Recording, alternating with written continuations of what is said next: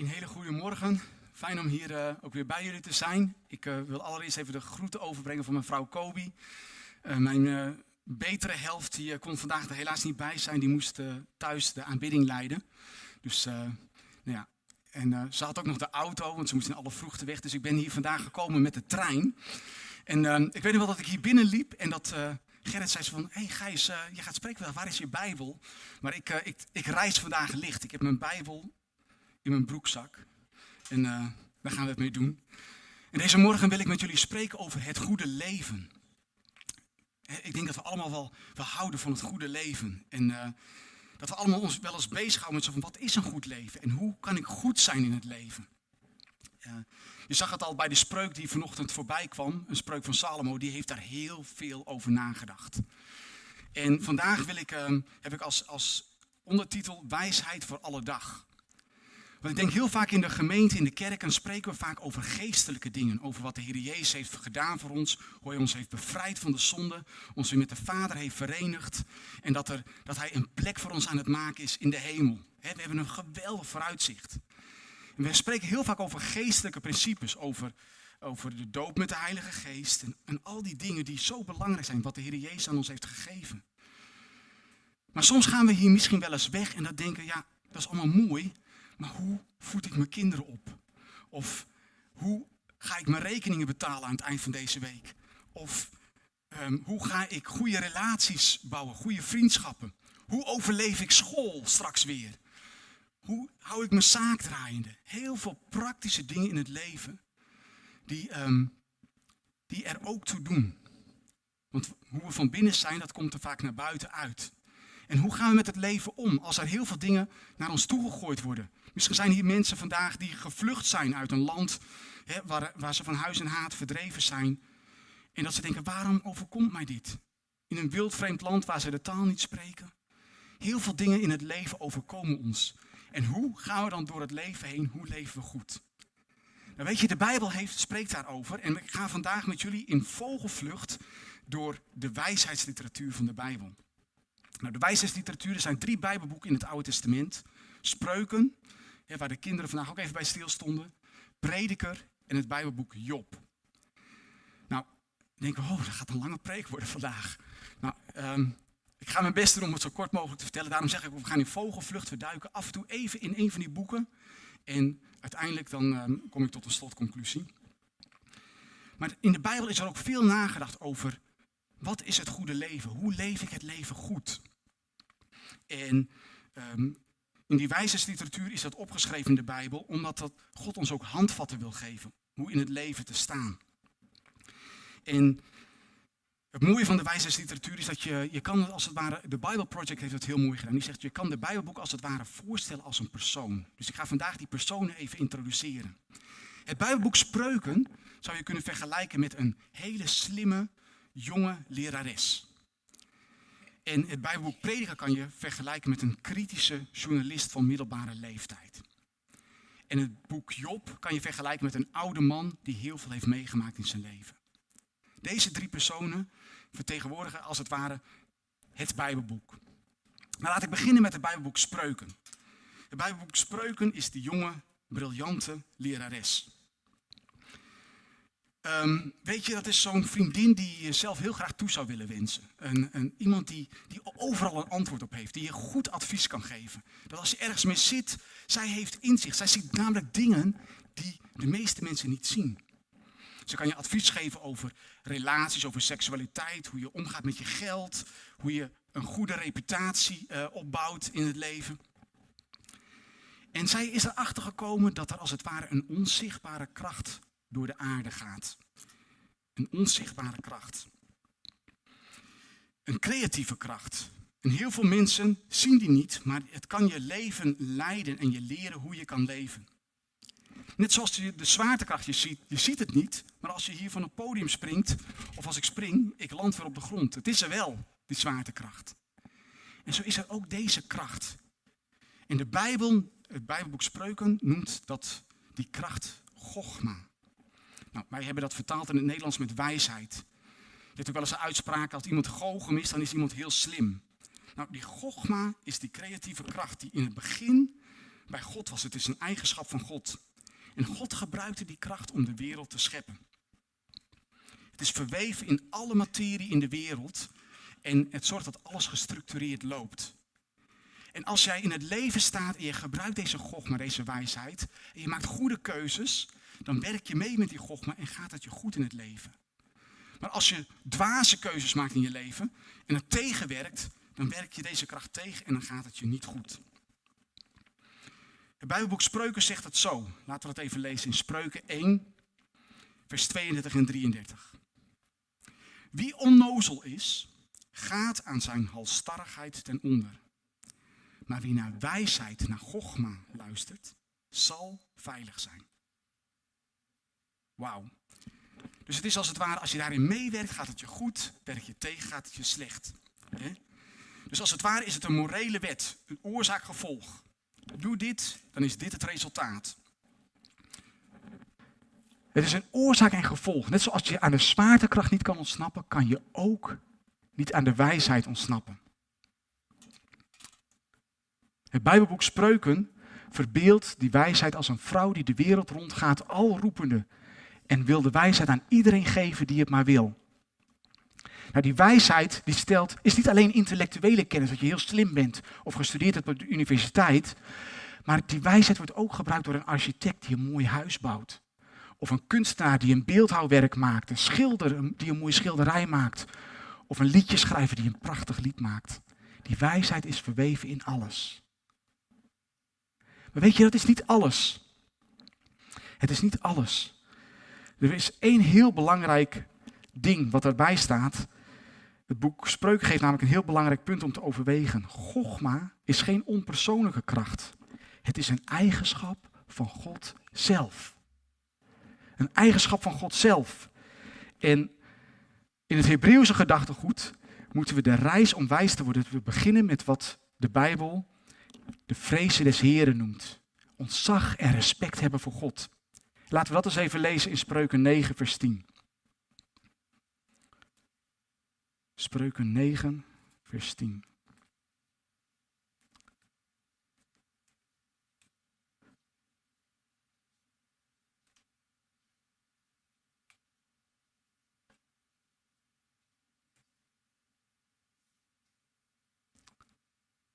Wijsheid begint met ontzag voor de Heer. Inzicht is vertrouwdheid met, het, met de Heilige. Wijsheid begint met ontzag voor de Heer, staat hier. Weet je, als jij wijsheid wil ontvangen, moet je rekenschap houden met God. Moet je rekening houden met God. En het is een gezond respect hebben voor Gods definitie van wat goed is en wat slecht is, wat kwaad is.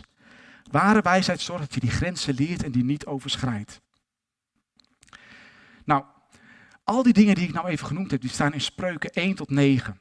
Maar de meeste mensen kennen het Bijbelboek van al die wijze spreuken die we net voorbij zagen komen. Spreuken 22 over een goede reputatie. En dat is hoe je die wijsheid toepast. Koning Salomo heeft daar heel veel over geschreven. Hoe je die wijsheid toepast in het leven op allerlei manieren. En het zegt dus eigenlijk, als je, als je doet wat de wijsheid van je vraagt en je hebt ontzag voor God, dan gaat het je goed in het leven. Er staat zelfs dat het gezond is voor je botten. Dat je rijk en gelukkig zal worden. Dat is wat het Bijbelboek belooft. Nou, dat is geweldig. Wie wil dat niet? Denken we allemaal wel, toch? Het is dus heel simpel een oorzaak en een gevolg. En dat is wat de jonge, slimme lerares door het boek Spreuken ons leert. Maar als we daar even een stapje van terug doen, en we kijken daar eerlijk naar, dan moeten we misschien onszelf wel afvragen, is het niet misschien een beetje te simplistisch, te eenvoudig? En daarom moeten we in onze reis naar het zoeken van wijsheid, hoe we het goede leven leven, ook naar het Bijbelboek Prediker gaan. En Prediker is de, kritische journalist van middelbare leeftijd. En die zegt misschien zo van, ja, slimme jonge lerares, spreuken, je hebt daar heel erg gelijk, dat, dat je respect en ontzag moet hebben voor God. En dat als je um, wijze keuzes maakt, gaat het je goed in het leven. Dat is meestal zo. Maar er gebeuren ook heel veel verschrikkelijke dingen aan hele wijze mensen. En sommige domme mensen, dwaze mensen, worden beloond in het leven. Ze verdienen het helemaal niet. Er zijn zoveel dingen in het leven die zinloos zijn en zinloos lijken. Nou, dat is een woord die hij heel vaak gebruikt. zinloos of lucht en leegte of ijdelheid als je een oudere vertaling gebruikt. Het najagen van wind. Het leven is misschien niet altijd zo maakbaar als het lijkt. En daar gaat het Bijbelboek Prediker over. Nou is het heel belangrijk dat je bij het Bijbelboek Prediker weet dat, moet weten dat daar twee stemmen in dat boek voorkomen. Het is de stem van de schrijver en de stem van de criticus. Nou, de criticus hoor je meestal aan het woord die zegt, ja jongens, er gebeuren ook heel veel dingen in het leven die helemaal, waar je helemaal geen snars van snapt. En de schrijver die introduceert deze criticus en aan het eind verzamelt hij de spreuken en geeft hij een samenvatting en een conclusie. Nou, in het Bijbelboek Spreuken hadden we het dus over Gogma, maar het boek Prediker benadrukt iets anders als het gaat in onze zoektocht naar wijsheid. Hij heeft namelijk naar het leven gekeken en hij ziet drie hele zorgwekkende dingen. Nou, zet je even schrap. Ik heb goed nieuws vandaag voor je, maar we moeten even door de zure appel heen bijten. Het eerste is de voortgang van de tijd. En laten we dat eens even lezen in Spreuken, of Prediker 1, vers 4. Generaties komen en generaties gaan. Maar de aarde was hier lang voor ons en zal er lang na ons zijn. Niemand herinnert zich mensen van lang geleden. En alle mensen die nog moeten komen, zullen zij ook vergeten. Of zullen ook vergeten worden door mensen die na hen komen. Dus op de kosmische schaal van de tijd ben jij maar een kleine blip. Nou, dat is misschien goed nieuws voor je, misschien niet goed nieuws, maar dat is wat het is. Weet je, ik liep vanochtend, liep ik even hier, uh, naast dit gebouw is een begraafplaats, liep ik even over de begraafplaats. En misschien heb je nog nooit gehoord van Jansje. Jansje, dan moet ik even kijken, dan ben ik haar naam zelfs vergeten. Hier, dan loop ik er even langs. Ik heb er even een foto van gemaakt.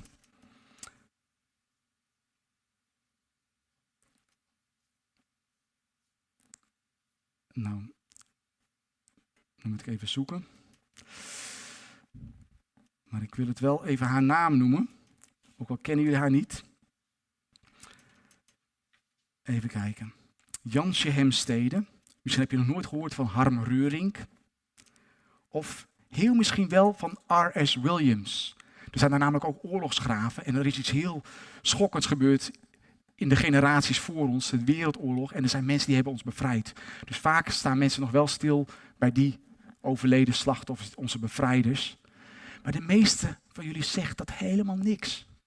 Maar weet je, dat gaat ook voor jou gelden over een x aantal jaren. Dan staat er een mooie steen en mensen lopen er voorbij. Of ze leven, hebben een schoolleven daarnaast en ze weten niet eens dat er een begraafplaats zit. Ze drinken een kopje koffie en kletsen met elkaar.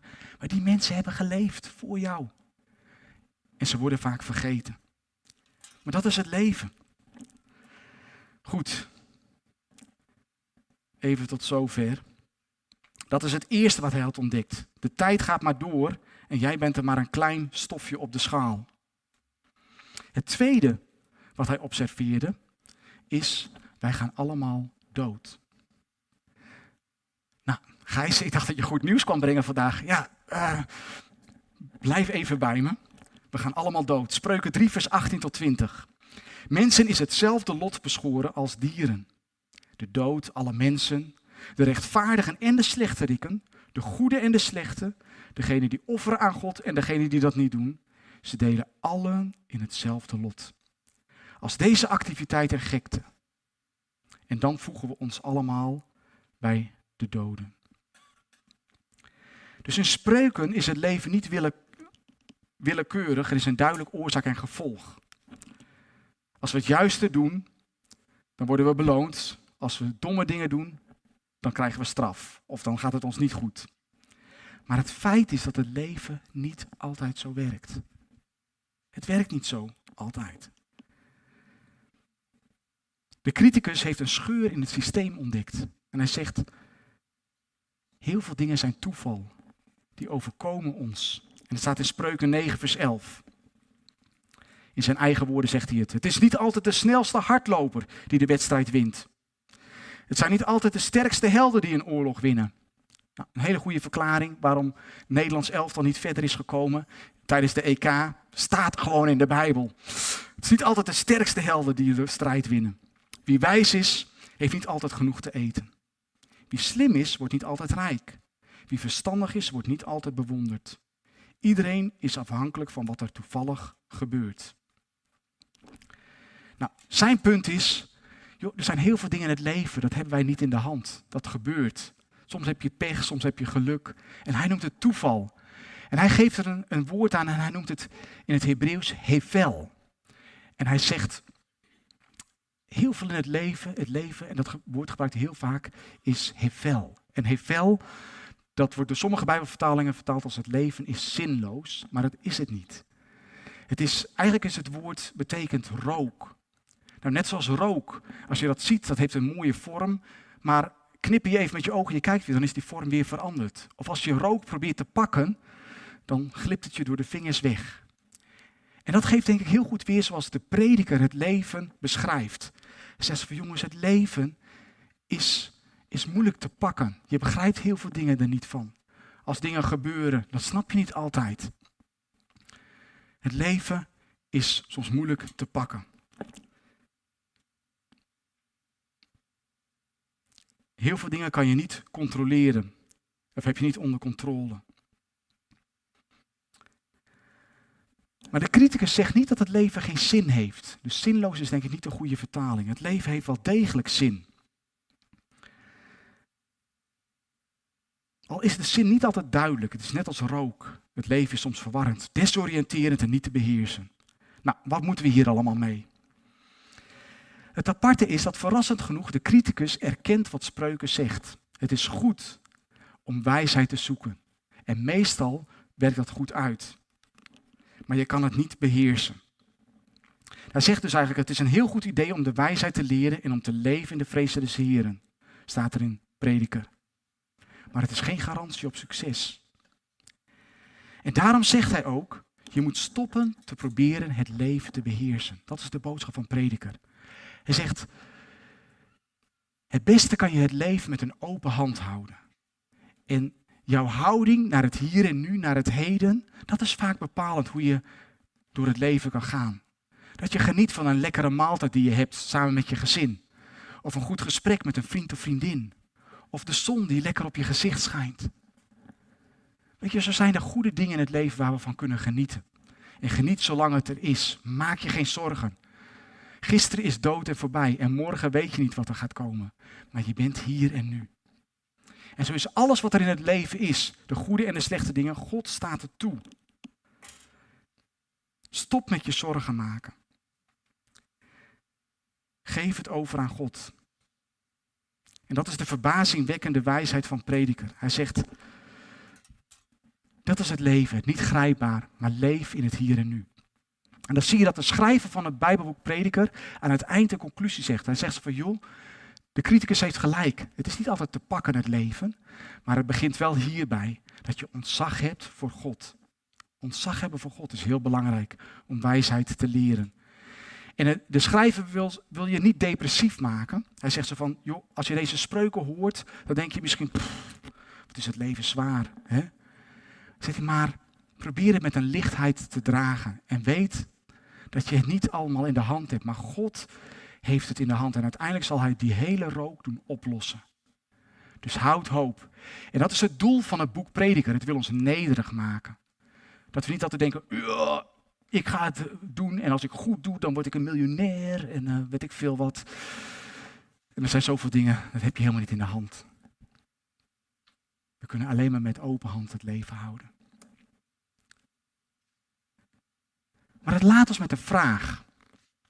Weet je, als deze dingen dan gebeuren, is God wel wijs en rechtvaardig? En dat brengt ons eigenlijk bij het derde boek. We hebben de jonge, briljante lerares gehad. We hebben de kritische journalist gehad van middelbare leeftijd. En dan komen we bij het laatste boek van de levenswijsheid. Job. Nou, we kennen allemaal vaak het verhaal van Job wel.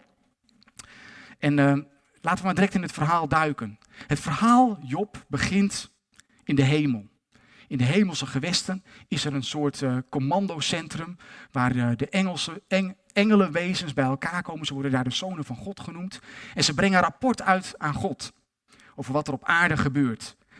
En God die is daar voor, uh, op zijn troon en hij vertelt ze van, hey, heb je, heb je mijn vriend Job gezien? Die goede en rechtvaardige Job. Wat een fijne gozer is dat. Weet je, hij doet wat ik zeg, hij houdt van mij. En moet je kijken hoe goed het hem in het leven gaat. En uit die vergadering van engelen stapt er één engelachtig wezen naar voren. En de Bijbel noemt deze persoon de Satan. Nou, we kennen hem allemaal als de duivel, de Satan, de aanklager. Maar eigenlijk betekent Satan tegenstander. En hij zegt tegen God zo van, ja, u zegt dat wel, maar weet u, um, Job houdt alleen maar van u omdat het hem zo goed gaat in het leven. hij, hij bewerkt het systeem. Weet je wel, zo van, misschien doet hij het wel um, om vooral gezegend te worden. En heeft u u daarom lief. En heeft u daarom respect en ontzag voor u. Maar weet u, als u alles van hem weghaalt, dan komt zijn ware aard vast naar boven. Ik daag u uit om dit te doen. En God stemt toe met dit plan, met deze test. En de duivel die laat al zijn lijden uh, op Job los en ontneemt hem alles. Werkelijk alles. Job verliest zijn kinderen, zijn huis, alle, welvaart die hij had opgebouwd in één keer weg. Verschrikkelijk lijden heeft deze man. En weet je, het bijzonder is, hij blijft God prijzen. Nou ja, tenminste in hoofdstuk 1 en 2 doet hij dat. Dan prijst hij God, zet hij maar desondanks prijs ik u. Als je hoofdstuk 3 leest, hoofdstuk 3 is een hele lange jammerklacht. En Job betreurt en vervloekt de dag dat hij geboren was. Hij zegt, was ik maar nooit geboren. Job heeft zoveel ellende meegemaakt. En weet je, je moet één ding goed onthouden. Job was onschuldig. Hij had niks fout gedaan. Hij had niks fout gedaan. Het was niet een gevolg van zijn dwaasheid. Maar dan komen zijn vrienden op bezoek. En zijn vrienden, die ehm, komen van, in de komende 34 hoofdstukken, gaan ze met hem praten. Zeggen van, ja Job, ehm, je moet vast wel iets fout gedaan hebben, want Gods wereld is rechtvaardig. God is wijs en rechtvaardig. En als het je slecht gaat, dan heb je vast slechte dingen gedaan. Heb je vast domme keuzes gemaakt, je verdient dit vast. Maar iedere keer zegt Job, nee, ik ben onschuldig, ik heb niks fout gedaan. Ik, ik eer God, ik hou van hem en ik, ik ben niet ontrouw geweest, ik heb geen overspel gepleegd. Ik, ik heb altijd goed voor mijn personeel gezorgd. Iedere keer gaat het over en weer in een prachtige poëzie. En die vrienden die komen zelfs met, die proberen mogelijke zonden te verzinnen die Job misschien wel gedaan zou hebben. En iedere keer gaat Job er tegenin. En op een gegeven moment wordt Job, weet je wel, die, die, die, die slinger tussen wanhoop en hoop. En aan de ene kant houdt hij zich vast aan God en prijst hem. En aan de andere kant dan wordt hij boos op God. Dat hij, waarom overkomt mij dit? En, en, en, en, en zegt hij, u bent onrechtvaardig. En op het laatst komt het zo ver dat hij zegt van God, u moet maar hoogstpersoonlijk naar mij toe komen en uitleg geven waarom mij dit overkomt. En het bijzondere is, God doet dat. God komt naar Job toe in een donderwolk, in een regenwolk. En het aparte vind ik, als je dan het boek leest, is dat God helemaal geen uitleg geeft. Zo van, ja, weet je, de Satan was bij mij gekomen en die wou even jou testen en ik, ik geloof dat jij echt van mij houdt. Niks daarvan. God ging ook niet uitleggen dat hij onschuldig was of zo. Hij, hij ging, weet, je wat, weet, je, weet je wat God ging doen met Job? Hij nam hem mee in een reis door het universum. Hij reist door het universum. Hij liet hem zien hoe de planeten werkten, hoe het water naar de zee stroomt, hoe de dieren en alle vogels en alle insecten werken. En hij zei ze van, joh, alles wat jij ziet in deze wereld is, is door mijn wijsheid, hou ik dit draaiende. Zou jij dit één dag van mij kunnen overnemen? Nou, ik denk dat Job gillend gek zou worden. Weet je, en, en, en Job zag dat allemaal. En hij zegt van, joh, er zijn zoveel dingen wat jij niet begrijpt, wat ik allemaal in mijn hand heb. En uiteindelijk toonde hij hem twee grote beestachtige monsters. Twee grote beesten. Nou, wat dat dan zijn, ik, zal je dat besparen. Maar het waren twee grote gevaarlijke beesten. Zegt ze, kijk eens naar deze grote indrukwekkende beesten. Weet je wel, zij lopen misschien zo over jou heen. Zij kunnen je verslinden. En het, ze hebben geen greintje schuldgevoel daarover. Het gaat gewoon door. Maar ik heb ook deze beesten gemaakt. Het is mijn goede schepping. Dat was de verklaring van God. Een beetje raar, toch? Weet je, maar, maar Job, die, die, die, die kreeg geen antwoord op zijn vragen. Maar dan zie je wel wat de reactie is van, van Job. En laten we dat lezen in Job 42, vers 1 tot 6. Job 42, vers 1 tot 6.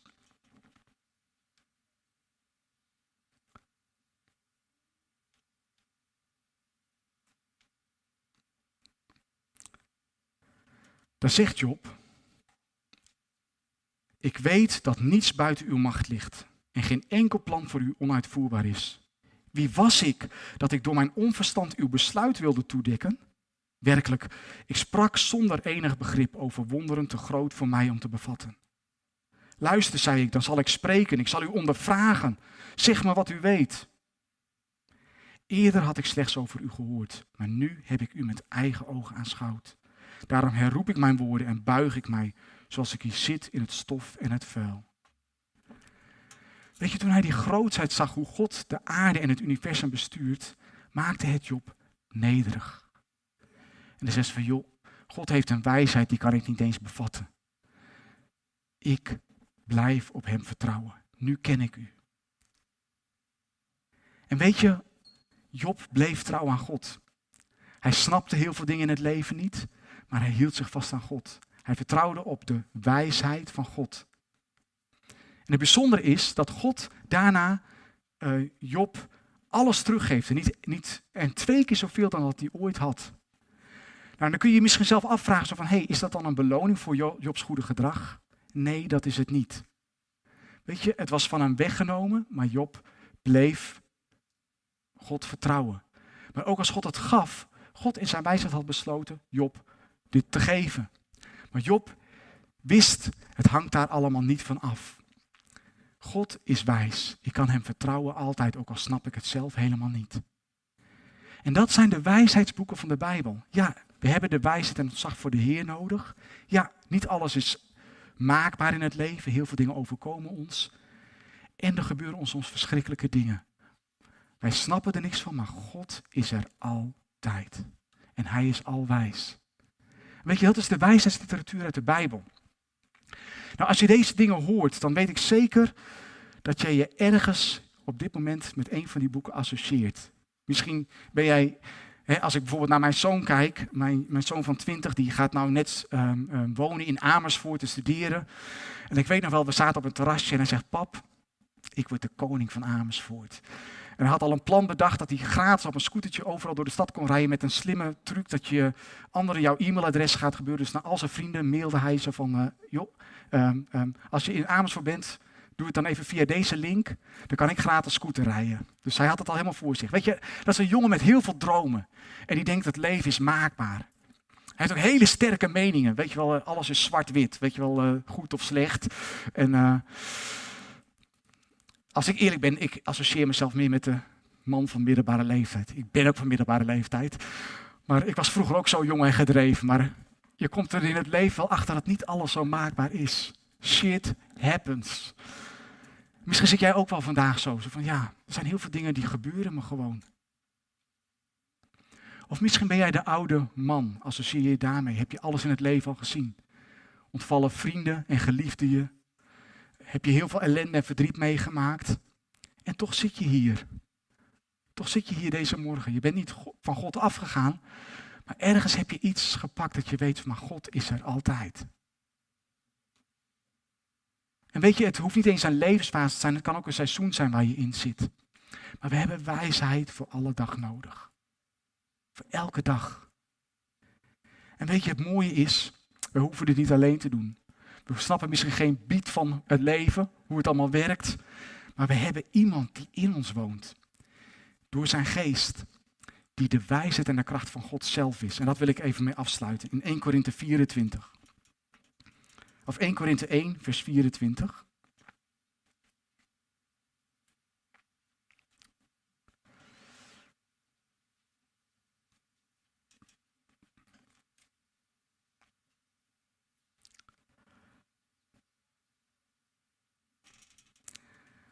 Maar voor wie geroepen zijn, zowel Joden als Grieken, is Christus Gods kracht en wijsheid.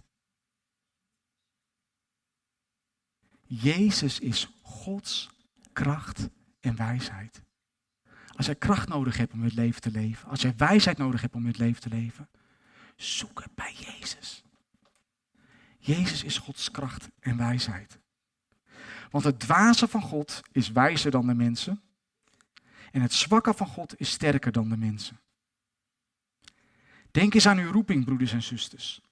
Onder u waren er niet veel die naar menselijke maatstaaf wijs waren. Niet veel die machtig waren, niet veel van voorname afkomst. Maar wat in de ogen van de wereld dwaas is, heeft God uitgekozen om de wijzen te beschamen. Wat in de ogen van de wereld zwak is, heeft God uitgekozen om de sterken te beschamen. Wat in de ogen van de wereld onbeduidend is en wordt veracht, wat niets is, heeft God uitgekozen om wel, wat wel iets is te niet te doen. Zo kan geen mens zich tegenover God op iets beroemen. Door Hem bent u één met Christus Jezus, die dankzij God onze wijsheid is geworden. Jezus is ook jouw wijsheid geworden. Door Christus worden wij gerechtvaardigd en heilig. En door Hem worden wij verlost. Laat me dit tot een conclusie brengen. Weet je, we zijn misschien niet de meest briljante koppen. Hè? Misschien ben je niet afgestudeerd aan de universiteit. Ik in ieder geval niet. Maar mensen snakken naar wijsheid in deze wereld. En wij mogen weten, Jezus woont in ons. De dingen die mensen in de wereld die Jezus niet kennen, niet blijven bespaard, blijven ons ook niet altijd bespaard. Maar hoe we ermee omgaan, daarin kunnen wij laten zien dat wij iemand kennen. En dan hoef je, weet je, van, ik heb vroeger altijd gedacht van ja, door apologetiek kunnen we de wereld wel overtuigen. Door alle argumenten die ze hebben tegen God om ver te halen. Weet je, maar als je gelooft, dan heb je geen argumenten nodig, want je kent iemand. En ik denk dat wij heel vaak te veel proberen. Terwijl het gaat om het kennen van Jezus in het leven. Om Hem te betrekken bij alle aspecten van je leven. Waar welke rekening je moet betalen. Overleg het met Jezus. Van Heer, wat is op dit moment het belangrijkste? Waar moet mijn geld naartoe rollen? Wilt u mij daarbij helpen? Jezus wil je daarbij helpen. Jezus heeft alles meegemaakt. Hij is van de troon van God neergedaald, heeft alles achtergelaten, heeft geleden. Hij weet wat lijden is. Hij is bij jou. Hij is er altijd. En weet je, als wij zo het leven leiden, zelfs al gebeuren de meest verschrikkelijke dingen onder ons, en, en, en dat we toch een bodem hebben en een vrede, dat mensen zeggen, hoe kan jij hier zo mee omgaan? Dat kan door Jezus. En we hebben hem zo hard nodig, mensen in het leven. En de wereld snakt daarnaar. En misschien denk je zo van, ja, ik moet hele grote wonderen doen voor Jezus. Weet je wel, dan, dan zal de wereld overtuigd raken. Ik denk dat jouw buurman, als hij ziet hoe jij met het leven omgaat, dat dat een groter getuigenis vaak is. Het andere is, is fireworks, vuurwerk en indrukwekkend. Maar wat, wat heel diep zijpelt en heel diep stroomt, is dat mensen die met wijsheid leven, die met Jezus leven, dat gaat een verschil maken in deze wereld. En ik heb wijsheid nodig, want het leven is grillig. En jij hebt wijsheid nodig, de wijsheid van God. En die is te vinden in de Bijbel, in de wijsheidsliteratuur. Het helpt ons om nederig te blijven en te weten, we moeten het van God verwachten, ontzag hebben voor Hem. En we moeten ons altijd weer op Hem terugverlaten. Hij heeft alle wijsheid en ik er niet. En we mogen weten, in Jezus weet Hij hoe wij ons voelen. En Hij is altijd bij ons. Ik hoop dat je dat vandaag mag bemoedigen en je wijsheid zal geven voor alle dag. Amen. Laten we bidden. Heer Jezus, ik dank u zo voor deze morgen. Heer, uh, misschien een heel filosofisch verhaal deze morgen. Maar Heer, ik geloof echt dat u ons wijsheid wil geven voor alle dag. Heer, u kent ieder van ons zoals we hier zitten. In welk seizoen we ons bevinden. Heer, of het, uh, of het ons voor de wind gaat en dat we denken zo van ja, het is precies zoals in spreuken staat. Maak je wijze besluiten, dan, dan stroomt het geld je tegemoet en dan gaat het je goed in je relaties. Heb je een goede reputatie. Maar Heer, u was volmaakt. En u werd beschuldigd dat u een, uh, geïnspireerd was door Beelzebub. Hoe kan dat, Heer? U weet hoe dat is als je reputatie aan diggelen ligt. Maar Heer, help ons te weten wie wij zijn. Wij zijn uw geliefde kinderen. En u hebt gezegd, ik ben altijd met je. Tot aan het einde van de wereld. Totdat alle rook en ongrijpbaarheid van het leven opgehelderd zal worden. En we bij u zijn. En tot die tijd wil ik vragen dat u ons wijsheid geven. En kracht om dit leven te leven. Als we enorme verlies hebben geleden. Heer, dank u wel dat u de bodem bent in ons leven. En ik wil zo bidden, wilt u ons zo bemoedigen. Heer, dat we mogen weten, als we het niet weten, dat we u kennen. De wijsheid en de kracht van God. Heer, zo zegen ik ieder, of we nou vakantie vieren, dat we nog heerlijk lekker mogen genieten, of dat we alweer hard aan het werk zijn. Heer, geef ons wijsheid, elke dag weer. Ik zegen een ieder in Jezus' naam. Amen.